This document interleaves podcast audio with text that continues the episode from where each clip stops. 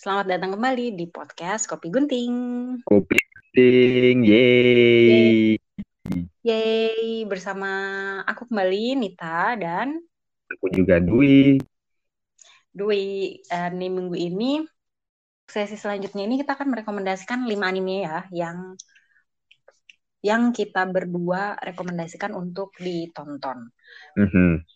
Dan yeah. ini kebetulan sih ini bukan anime baru sejujurnya, tapi ini kayak hmm. lima anime yang kita rasa tuh harus orang lain tonton gitu mungkin ya, Wi ya. Ya, lebih tepatnya gitu hmm. sih yang dari kita. Uh, ya, jadi yang menurut kita uh, bagus. Uh, tepat sekali. Uh, dan itu kalau misalnya di aku pribadi sih, kalau misalnya aku bakalan rekomendasi yang sudah ending sih, jadi biar orang nggak penasaran lagi deh sama cerita-cerita selanjutnya gitu. Baik itu entah ending dia di manganya atau anime juga sudah ending sih. Hmm. Dan di sini kita mencoba merekomendasikan anime yang nggak lumrah ya, nggak kayak Naruto gitu. Itu kan semua orang pasti tahu. Hmm, iya Naruto, One nah. Piece. One ya, Piece gitu enggak. kurang lebih kayak Hero gitu. Academia. Ah. Dan hmm. di dua anime rekomendasi aku pingin sebutkan satunya adalah sama kayak Santi tadi itu adalah Asobi Asobase. Okay. Jujur itu aku sudah pikirin dari kemarin dan ketika melihat tulisannya Santi tadi tuh oh, astaga ada yang rekomendasiin anime ini juga ya gitu. Mungkin karena keabsurdannya kali ya. Nah, aku akuin ya, satu. ya.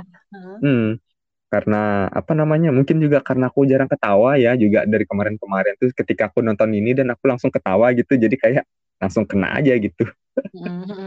Uh, tapi aku akuin itu jalan ceritanya tuh emang agak nyeleneh sih lebih tepatnya ya dibilang hmm. absurd absurd dan nyeleneh. Jadi aku bagi orang yang pengen ketawa sih dan mungkin bisa terhibur dengan anime itu aku re aku rekomendasiin. Itu di satu oke okay, asobi asobase sedikit yeah. aja mungkin itu tentang apa? Sebenarnya ceritanya tentang sekolah SMA ya. Jadi sekolah hmm. cewek semua isinya tuh dan di sekolah di sekolahnya itu isinya apa namanya ada ada anak orang kaya ada orang orang orang apa namanya katanya orang Amerika tapi ternyata tidak bisa bahasa Inggris karena dia lahir di Jepang keturunan Jepang sama satu karakter yang orang Jepang biasa aja sih gitu ya hmm. aku tidak bisa hmm. jelasin lebih lanjut sih orang ini kayak gimana cuman apa namanya akhirnya mereka bertiga itu membuat sebuah klub yang itu adalah klub apa namanya klub bermain, bermain. sih intinya itu hmm. penelitian ber, permainan gitu dan akhirnya mereka mulai dah main yang aneh-aneh di sana gitu sih. Ya. Yang sebenarnya bukan aneh-aneh gitu. Uh-huh. Endingnya poin, pokoknya setelah mereka bikin klub itu terus tindakan-tindakan selanjutnya tuh absurd gitu loh. Ya, Kalau ya, itu, sih. sama joke selera humor-humor kalian tuh masuk pasti. Ya, tepat sekali itu satu. Iya kan? tepat banget. Kalau masuk sama humor kalian itu pasti masuk itu lucu kok. Iya, itu satu. Nah, itu asobi asobase. Uh, uh, asobi asobase itu enggak sih untuk penutup aku suka sama yang lagu endingnya sih jujur sih oh, ya. oh oke iya iya iya, iya. oke terus yang kedua adalah ini mungkin sempat terkenal di zamannya ya mungkin sempat hmm. booming sempat pernah menjadi Naruto atau Kimetsu no Yaiba di zamannya tapi nggak tahu sekarang gimana teman aku akan rekomendasiin itu adalah Full Metal Alchemist Brotherhood ya. jadi hmm. Full Metal Alchemist itu banyak dan yang aku rekomendasiin ini adalah yang Brotherhood. Jadi hmm. itu animenya sudah selesai dan kira-kira ada 60 64 episode atau 67 lupa. Ada hmm. 60 episode dan aku apa namanya rekomendasiin ini karena uh, jalan ceritanya itu relate sama dunia nyata sih. Walaupun itu sebenarnya anime fantasi sih sebenarnya itu yeah. relate banget sama dunia nyata dan banyak nilai-nilai yang bisa kita ambil di sana dan aku banyak screenshot di sana anunya quote-quote-nya ya. Yeah, yeah, yeah, Jadi yeah. ceritanya itu adalah uh, apa namanya seorang pemuda bernama Edward dan adiknya bernama Alphonse. Alphonse yang di mana mereka mencari jalan jalan gimana caranya satu mengembalikan badan adiknya yang telah dipersembahkan kepada penghuni dunia lain sebut saja demikian. Hmm. uh, dan salah satu cara apa ya, dan berbagai macam cara mereka lakuin gitu. Karena apa namanya uh, banyak hal yang terjadi dan salah satunya itu adalah mereka melakukan uh, pertukaran terlarang di sana. Hmm. yang sampai akhirnya terus mengorbankan anaknya sih badan adiknya itu sih. Kurang lebih jalan ceritanya Hmm, dan sambil apa namanya sambil ngikutin jalan ceritanya itu akan banyak hal terjadi di sana dan aku rekomend banget sama anime ini. Soalnya apa namanya tidak cuman dari segi jalan cerita itu dari hmm. segi apa namanya segi segi segi segi segi uh, bagaimana anunya bagaimana alur ceritanya bagaimana anunya uh, pengembangan karakternya di sana benar-benar bagus ya. banget uh, dan aku rekomendasiin banget. Mm -hmm. Betul betul. Baiklah aku itu. Tuh. Hmm. Eh so, seriusan? Eh seriusan? Iya iya sempat nonton aku tuh juga. Uh, cuman memang nggak sampai ending sih. Hmm. Karena aku aku nggak ngerti juga kenapa aku nonton sampai ending. Tapi aku tahu kok bagus itu ceritanya. Cuman aku lupa aku nonton sampai mana. Hmm, dan aku rekomendasiin hmm. kamu untuk nonton lagi sampai akhir. Lanjut lagi. Si waktu. Uh, Bener. Bisa kalau misalnya bisa nonton dari awal. Baiklah, itu dua rekomendasi anime dari aku, Asobia Subasa dan Full Metal Alchemist Brotherhood. Sekarang giliran Mbak Unita. Oke. Okay. Itu tadi dari kalau dari aku itu uh, mungkin mulai dari yang dark dulu aja ya. Jadi dark okay. dulu baru yang agak terang ya. Oke. Okay. Oh, oke okay. Nita emo mode ilmu mode nih tak ilmu mode. Jadi sebenarnya hmm. aku sama sama dulu. Aku banyak banget yang aku pengen rekomendasiin. Tapi kayaknya anime ini nih cukup jarang banget orang yang nonton. Jadi ini anime anime Netflix hmm. um, kayaknya rilisnya itu dua atau tiga tahun lalu ya. Judulnya itu Devilman Crybaby jadi sebenarnya um, apa ya namanya franchise franchise atau apa ya bahasanya jadi si mm -hmm. Devilman Crybaby ini udah ini anime tahun 1970-an sebenarnya kalau nggak salah. Oke, okay. udah lama Cuman berarti ya. Banget. Dan itu di remake. Jadi nggak kalau ngecek yang Devilman Crybaby yang versi jadul itu gambarnya kayak anime jadul gitu loh. Iya, kebayang. Zaman-zaman kayak uh, anime jadul gitu. Nah, hmm. kalau yang di remake ini otomatis digambar ulang dan kebetulan dia tayangnya di Netflix. Nah, di gambar kalau untuk secara visual sebenarnya bukan tipeku sih untuk Devilman Crybaby yang ini, yang mm -hmm. di Netflix ini sejujurnya. Tapi anehnya walaupun dia itu sebenarnya di dibikin ceritanya tahun 1970, tapi dia tuh tetap relate sama zaman sekarang. Itu yang bikin aku kayak wah, ini anime hebat juga nih gitu loh. Oh, oke. Okay. Gitu. Berarti dari nilai-nilainya, nilai iya, kehidupannya ya, nilai-nilainya. Gitu. Tapi disclaimer dulu buat yang mau nonton. Jadi ini tuh animenya vulgar banget, vulgar literally vulgar banget ceritanya. Mm-hmm. Terus ya bisa dibilang banyak adegan bunuh-bunuhan, darah. Okay. Darah terus apa mm-hmm. namanya ya, party-party, terus nud nudity apa sih bahasanya, Wi? Ya, nudity. Nudity, hmm. sorry. Nudity. Hmm. Jadi kalau nonton siap-siap aja dengan adegan-adegan seperti itu. Tapi hmm uh, ceritanya tuh menurut aku worth sih untuk ditonton. Hmm, um, okay. Apa namanya tuh konsep konsep ceritanya tuh unik ya untuk cerita zaman 1970. Jadi dia tentang cerita tuh tentang satanis satanistik gitu loh. Ya nah, judulnya mm-hmm. Devilman Crybaby ya. Yeah. Jadi karakter utamanya protagonisnya tuh namanya Akira, terus dia punya teman namanya Rio. Rio itu kayak hmm? teman jauhnya dia lah gitu. Terus di satu momen tiba-tiba dunia itu kayak diinvasi, diin invasi, invasi dikuasai. Invasi. Aha, dikuasai invasi, ya? buat. Ya? Diinvasi uh. sama devil gitu di dunia ini tiba-tiba. Jadi tiba-tiba tuh kayak ada muncul kayak virus zombie gitu loh, tapi itu devil. Okay. Gitu. Di manusia dan si Rio ini kan ceritanya peneliti gitu. Jadi dia meneliti perkembangan si devil-devil yang menular-menular ini bersama dengan Akira gitu. Ternyata Akira akhirnya malah berubah jadi devil Mm-hmm. Tapi karena si Akira itu hatinya baik banget, jadi dia itu nggak berubah jadi jahat. Jadi dia berubah jadi setengah devil, setengah manusia, which is namanya mm-hmm. itu Devilman jadinya gitu. Mm-hmm. Okay. Terus apa ya? Yang aku suka dari ceritanya itu um, intinya sebenarnya banyak ya banyak momen-momen yang relate di di drama ini eh di drama di anime ini. Cuman kayak dia tuh kalau yang dari aku terjemahkan ya, sepertinya tuh anime ini atau cerita ini tuh pengen nunjukin sebenarnya manusia itu yang sebenarnya devil itu nggak ada gitu. Sebenarnya nah, devil itu okay. kita nyiptain. Jadi sisi-sisi buruk manusia kayak rakus, kayak nafsu berlebihan, kayak Mhm. hal-hal buruk itulah ya. Kalau udah sampai menguasai kita, nah kita tuh jadi buruk, kita jadi hilang rasa kemanusiaan kita gitu. Hmm. Ngerti kan kayak maksudnya ya? Ngerti, ngerti Jadi banget. akhirnya kita jadi devil sih. Nah gitu sebenarnya gitu sih menurutku kalau aku Hmm. menerjemahkan gitu. Udah gitu eh, di cerita itu juga endingnya malah manusia tuh jadi ngebunuh devil tuh malah lebih jahat daripada devilnya sendiri Jadi gitu. devil sendiri. Mereka, terus di situ juga ada adegan adu domba ya persis lah seperti kejadian-kejadian di sekarang-sekarang ini. Jadi mereka pada bunuh orang-orang yang diduga devil padahal bukan devil. Pokoknya Hmm. chaos gitu. Dan Iya, chaosnya tuh oke. sebenarnya bukan karena devil, tapi karena memang manusianya sendiri. Manusia sendiri, aha, tepat Benar. sekali. Mhm. Nah itu jadinya itulah. Nah nanti kalau cerita aku panjang banget. Ya, Ah, cuman ending dan endingnya tuh cukup wow gitu. Hah, hah apa ini Hmm. gitu. Jadi itu 9 10 episode.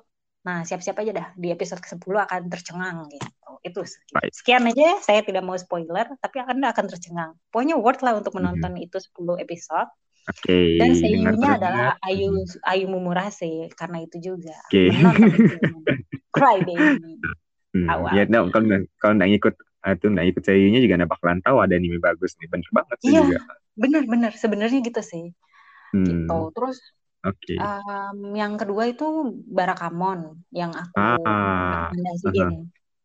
Nah, kenapa? Oke. Karena itu kayak apa ya com- comfort anime gitu loh. Jadi ceritanya ringan, nggak perlu banyak mikir, nggak kayak di film Cry Baby tadi. Terus refreshing, ya kan lucu. Ya, Terus ah, uh, kalau ceritanya sendiri sih kan dia tentang seniman kaligrafi gitu yang pindah dari kota ke desa kan. Jadi Iya. gap gap orang kota orang desanya tuh lucu lah menurut aku kayak lucu Iya aja kelihatan gitu. banget ya. ya. Terus untuk aku Hmm. yang tinggal di desa tuh jadinya lucu gitu. Aku dapat gitu lucunya si orang kota ini pindah, pindah ke desa gitu. Iya. Awkwardnya Tuh, orang itu- anu ya orang kota di desa. Ah, bener Bener, banget. bener, bener. Bener, itu lucu banget. Terus selain Hmm. itu, nah itu lagi satu adalah seiyu anak-anak kecilnya. Biasanya kan kalau seiyu-seiyu anak kecil tuh tetap orang dewasa yang dipakai jadi seiyu gitu kan. Hmm. Tapi kalau untuk yang di anime Barakamon tuh seiyunya tuh beneran bocil-bocil. Jadi suaranya tuh Ya. natural lucu Ya gitu. natural. ah. Satu yang aku ingat di Barakamon itu adalah Mandom. Gue mau bilang itu juga. Anjir, aku mikir aja. Anjir, aku bayang lagi mukanya anak itu Ci, siapa namanya lupa Ci. Naruh. Oh ya Naru ya Ci, Mandom. Cuma dari satu kata aja kita udah bisa ketawa. Berarti itu anime Eh. emang fix lucu banget. Kalian mesti banget nonton. Iya, harus ditonton sih. Aku juga rekomen banget sih. heeh. Hmm. Ya, Animenya Barakamon. ini, heeh. seriusan. heeh. Oke, Gitu. Itu Aha. anime yang kedua. Sorry tadi lebih banyak cerita Devilman Crybaby karena itu rumit banget untuk diceritakan. Iya, itu rumit, jadi nggak masalah bagus sih. Sedangkan yang kedua ini juga lebih simpel kan ceritanya, heeh, lebih Ya. ringan, jadi ya nggak masalah kok bagi aku. heeh.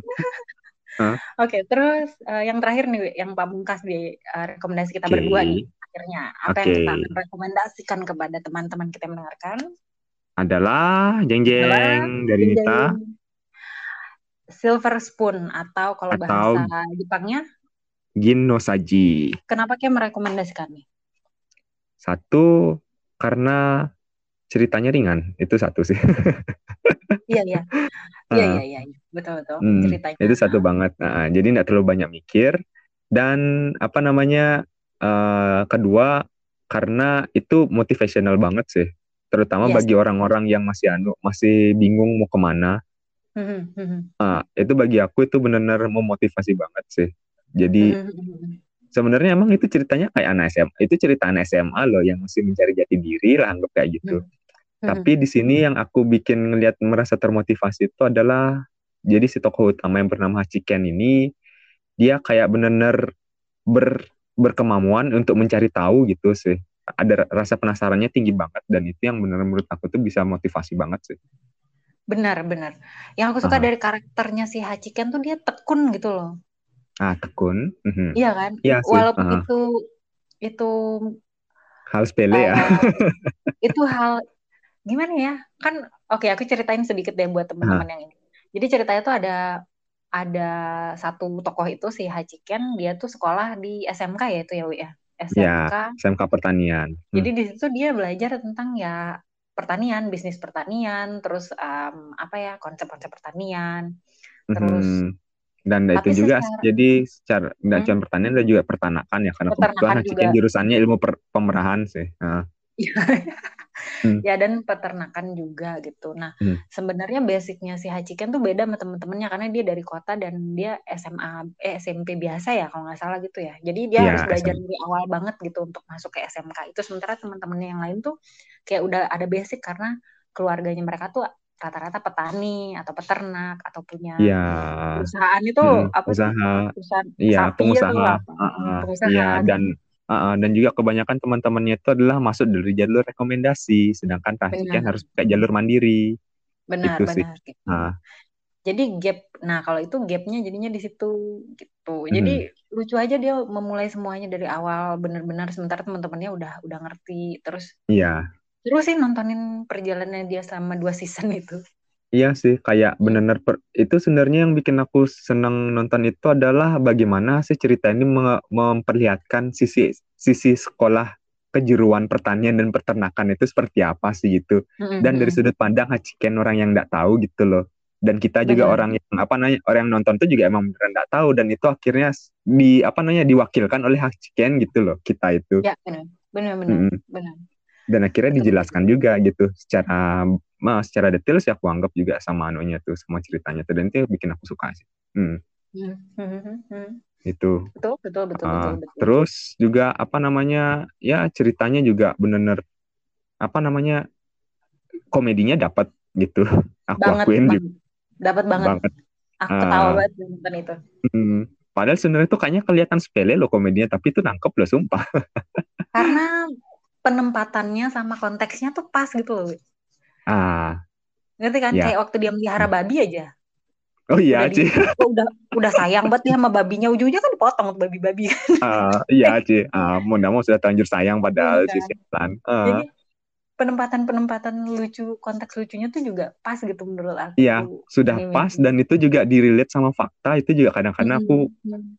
lucu sih jadi kayak apa namanya eh ada sempat apa namanya ketika ditanya sama aku ketika dia menyatakan sama apa namanya gurunya nih ih kok babi ini cepet banget dia gemuk ya dibilang kayak gitu. Akhirnya gurunya tuh balik nak kasih tahu ke dia ya walaupun gemuk gini nih tapi apa namanya lemaknya tuh lebih dikit loh daripada kalian. Contohnya yang cowok loh lemaknya 15% sedangkan yang cewek Iya, itu lemaknya iya. 20% dibalik sih kayak ngejelek banget sih jadi Hmm. kita lebih gemuk daripada babi ya bener ya? itu udah dibilang ya ternyata waktu yang cewek lebih gemuk daripada babi itu sendiri ternyata aku lebih babi sih astaga yang kayak gitu sih itu uh, joke yang beneran fakta tapi ngena gitu loh itu bagus bener sih. bener bener jok joknya Hmm. joknya dapat banget terus Hmm. cuman memang visualnya um, biasa aja sih menurut mungkin aku ya uh, mungkin tidak begitu menarik sih mungkin ya aku Ya, juga anggapnya gitu sih Uh-uh. tidak ada ikemen terus ya Tapi- pokoknya secara visual tuh biasa aja biasa aja Uh-uh. tapi Tidak mungkin jelek, biar anu sih uh. Hmm. iya tapi mungkin biar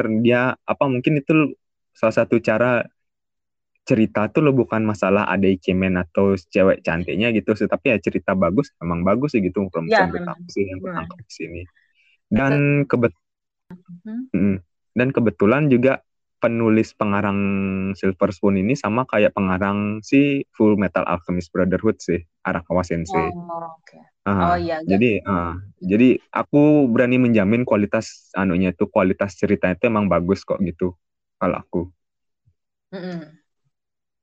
itu sih kalau dari Silver Spoon dan sebenarnya aku bisa banyak cerita sih kalau misalnya masalah Silver Spoon ini tapi untuk ini aku cuma bisa bilang ini rekomendasi banget dari aku dan juga Nita Benar, Bahwa- benar. pasti yang pasti dicoba untuk nonton aku yakin Mm-mm. kalian bakal hanyut sama ceritanya sih cerita bagaimana orang kota itu menghadapi dunia pertanian dan bagi dan ketika orang kota menganggap bahwa pertanian itu adalah hal yang apa hal yang mudah tapi tidak semudah yang dikira gitu Selain yang tadi yang udah kita jelasin, um, informatif lah, lucu, terus ap- apa gitu. Terus yang aku suka dari film Silver Spoon ini bikin kita menghargai hal-hal kecil gitu loh, kayak makanan, kayak Ah. kayak kehidupan gitu-gitu loh, hal-hal kecil-kecil kayak gitu aja. Hmm, Jadi iya sih aku Eh. ada sih ada sih satu kayak bukan quotes sih kayaknya lebih kayak situasi gitu yang aku inget banget hmm. dari film Silver Spoon tuh di mana mereka habis bertani atau gimana gitu terus mereka makan hasil taninya itu terus uh, salah satu tokohnya tuh kayaknya bilang ini nih kayak privilege-nya petani gitu loh. Mereka bisa dapat ah. fresh dan yang terbaik gitu. Iya iya iya iya ya. aku ingat ya. itu adalah ada kan? adegan kan? di mana kan ad, kan? Komaba itu datang buat jagung kan tuh pas Aciken ya, anu ya, ya. itu ya, musim ya, panas ya. tuh. Terus ketika nah, langsung dianu kan langsung direbus kok manis ya gitu. Iya, soalnya hmm. jagung jagung tuh emang masih manis-manisnya tuh kalau pas baru dipetik dibilang dan itu Betul. adalah privilege seorang apa seorang petani dibilang ya, petani. ya Ci dan itu relate relate banget sama uh, aku di kampung wi. Karena hmm. kakekku tuh dulu sempet panen jagung dan hmm. memang benar apa nggak cuma jagung sih ubi uh, timun apa pun yang baru baru dipanen itu itu emang yang paling enak gitu. Jadi itu kayak privilege-nya seorang petani gitu. Hmm. Kalau di kita tuh kan kita ngeliat petani kayak kerjaan ya gitu aja nak. Ya petani, gitu. sih. Benar sih. Tapi di, aku uh, hmm, tapi kalau di anime ini tuh kita bisa lihat bagaimana usahanya mereka, gimana bisnis dalam pertaniannya tuh seperti apa. Enggak se, uh, uh, enggak se, se segampang seremeh itu lah, ayo. Uh, uh. Aku akuin. yang kita kira. Itu terus bisnis dalam peternakan tuh juga seperti apa? Karena mereka mesti mikirin kesehatan sapinya, mereka mesti mikirin macam-macam lah gitu. Dan itu tuh aku baru nah. dapet di anime ini. Jadi aku hmm. kayak, wah ternyata pertanian, peternakan, pokoknya bisnis-bisnis yang berhubungan sama makanan kita itu sangat amat kompleks gitu loh apalagi karena hal-hal itu tuh akan dimakan sama kita gitu jadi nggak boleh mm-hmm. main-main gitu bisnisnya mm-hmm. Iya gitu. tepat banget jadi uh-huh. benar-benar bikin aku menghargai petani peternak dan lain-lain lah gitu mm-hmm. yeah, tapi mungkin ada ada bedanya adalah di Silver Spoon ini kan pertanian dan peternakan yang um, dari sudut pandang Jepang ya ngerti kan ya, maksudnya itu sih aku berbilang itu sih juga jadi sangat amat modern juga sih gitu dibanding sama di Indonesia cuman maksudnya kayak kalau coba Indonesia bisa seperti itu kayaknya tuh bisa bagus banget gitu mungkin kita hmm. kita akan menuju ke situ lah karena udah banyak petani modern sih sekarang sih gitu. amin ya didoakan gitu. semoga bisa cepat kayak gitu sih dan, dan ini benar uh, dan hmm. sebagai orang kayak aku nih ya yang yang kalau nonton anime tuh awalnya karena visual dan seiyu Jadi kalau nonton anime itu tuh anime Silver Spoon ini mungkin kalian bertahan aja lah dua dua tiga episode dulu sampai kalian ngeh ceritanya. Kalau mm -hmm. awalnya tuh kayak biasa banget soalnya kayak anime anime slice of life biasa gitu loh, Wi. Ngerti kan maksudnya? Ya ngerti banget sih. Ya. Yang beneran biasa banget sih gitu. Uh, uh, biasa aja gitu. Ya ya udah ini cerita anak SMA masuk sekolah baru ya udah gitu. Tapi uh. nanti lama-lama udah kalian dapet dramanya, udah kalian dapet masalah dari anak-anak yang beda tuh baru deh itu baru yeah. baru sebutnya tuh baru dapet gitu mm-hmm. iya gitu. iya jadi oh ya tambahan dikit sih ya jadi untuk animenya hmm. ini jadi dia cuma sampai dua season dan season 3 atau seterusnya itu juga belum diumumkan kapan keluarnya. Tapi untuk manganya sendiri juga sudah selesai sih. Jadi kalau misalnya masih masih pingin penasaran gimana kelanjutannya setelah season 2 itu bisa langsung lanjut di manganya. Itu sih. Ya aku baca manganya sih tapi episode terakhir banget. Jadi aku nggak tahu yang hmm. ending endingnya yeah. banget yang ini pokoknya endingnya hmm. hacikan sama tir ya ya dah gitu. Roman yeah, mencari roman iya harus harus ada dong iya harus okay. ada roman oke okay. hmm. oke okay, untuk mengakhiri yeah. um, hmm. sorry sorry nah untuk mengakhiri obrolan kita hari ini jadi itu ya tadi rekomendasi kita uh, lima anime yang kita rekomendasikan banget mm-hmm, yang banget, harus banget. kalian tonton mm-hmm. selain yang kita sebutin secara random itu itu mm-hmm. tadi ada Asobi Asobase ya Wi terus mm-hmm. ada Full Metal Alchemist mm-hmm. ada Brotherhood Cry Baby oh ya betul mm-hmm. yang Brotherhood terus Devilman Crybaby, Barakamon sama yang terakhir yang pamungkasnya tuh si Silver Spoon Silver ini. Jadi kalian ya jadi kalian bisa kalau mulai mau mulai coba nonton anime bisa tuh coba lima itu dah kita udah jamin bagus yeah. tapi yang Devilman Crybaby itu ada disclaimer sedikit ya iya jangan deh hmm, nonton kalau baru nonton anime iya. agak uh. Ya, baiklah. Jadi untuk mengakhiri podcast ini, uh, aku dan Nita juga bakalan memberikan quote atau kutipan yang kami anggap sesuai dari anime-anime yang kami telah nonton. Jadi bisa dimulai dari Nita. Oke, kalau aku quote yang aku suka banget dari anime ini yang dari Barakamon. Mhm. Em, jadi karena ceritanya itu kan relate tentang kaligrafi ya, kaligrafi, kesenian dan lain-lain itulah. Terus ada sempat satu kata itu yang bilang kayak gini, simplicity is the easiest path to true beauty. Hmm. Oke. Ngerti kan kayak sebenarnya yang true beauty itu yang yang paling simple, nggak usah riwah- riwah-riwah gitu loh. Kadang tuh kita terlalu fokus sama yang harus gini, harus gitu, harus gini, harus gitu. Padahal sebenarnya tuh simple itu yang paling sulit sebenarnya. Sejujurnya Mhm. tuh simple itu yang paling sulit gitu. Itu Hmm. kena banget lah di aku, anjay. Iya, aku Kalau ngerti. Aku pernah dengar, aku pernah dengar quote apa orang yang bilang simple itu bukan berarti gampang gitu sih. Mhm. Jadi aku ngerti kok susahnya simple itu kayak gimana dan itu yang itu indah, Ci. Mhm. Mhm. Oke, dari aku, aku akan ngambil kutipan dari anime pamungkas kami yaitu Silver Hmm. Spoon di mana salah satu tokohnya yang bernama Aikawa itu mengatakan kepada si tokoh utama Hachiken ketika dia putus asa, ih enak ya Aikawa itu ternyata sudah memiliki mimpinya mas, mimpinya sendiri dan sekarang sedang mengejarnya. Lalu Ai- A- si Aikawa ini membalikkan kata-kata Hachiken dengan mengatakan bahwa "Eh, aku aku fokus pada jalan ini karena aku sudah aku fokus dan aku terkunci sama mimpiku. Tapi kalau misalnya untuk dari dari kamu sendiri Hachiken, it- kamu yang belum punya mimpi itu bukan berarti kamu belum punya, itu artinya mimpimu itu masih terbuka lebar. Apa pilihan jalanmu untuk menuju mimpimu- eh, menuju pilihanmu itu masih terbuka lebar seluas-luasnya. Jadi kamu masih punya banyak waktu untuk itu. Itu dari Aikawa. benar. Hmm, jadi bagi kalian yang mungkin merasa ah kayaknya aku tidak punya mimpi, ah kayaknya mimpiku masih samar-samar, itu bukan berarti demikian, tapi bisa jadi bahwa kamu masih kalian itu masih punya banyak eh, kesempatan untuk mencari mimpi-mimpi yang baru. Jadi gunakan kesempatan itu sebaik-baiknya. Sekian untuk episode Kopi Gunting hari Mhm. ini. Um, apa lagi ya? Thank you sudah mendengarkan. By the way, thank you juga udah uh, mau komen di Q&A-nya Kopi Gunting. Kalian bisa follow Instagramnya @kopigunting. Nanti tiap Mhm. minggu akan ada Q&A Q&A untuk um, apa ya? Untuk Episode topik-topik yang baru selanjutnya. Ya, Mhm. betul. Mungkin kita bisa akhiri di sini dan Iya. terima kasih banyak yang sudah mendengarkan. Terima kasih untuk semuanya juga telah berpartisipasi dan kita akan ketemu kembali di lain kesempatan. Selamat Bye. tinggal.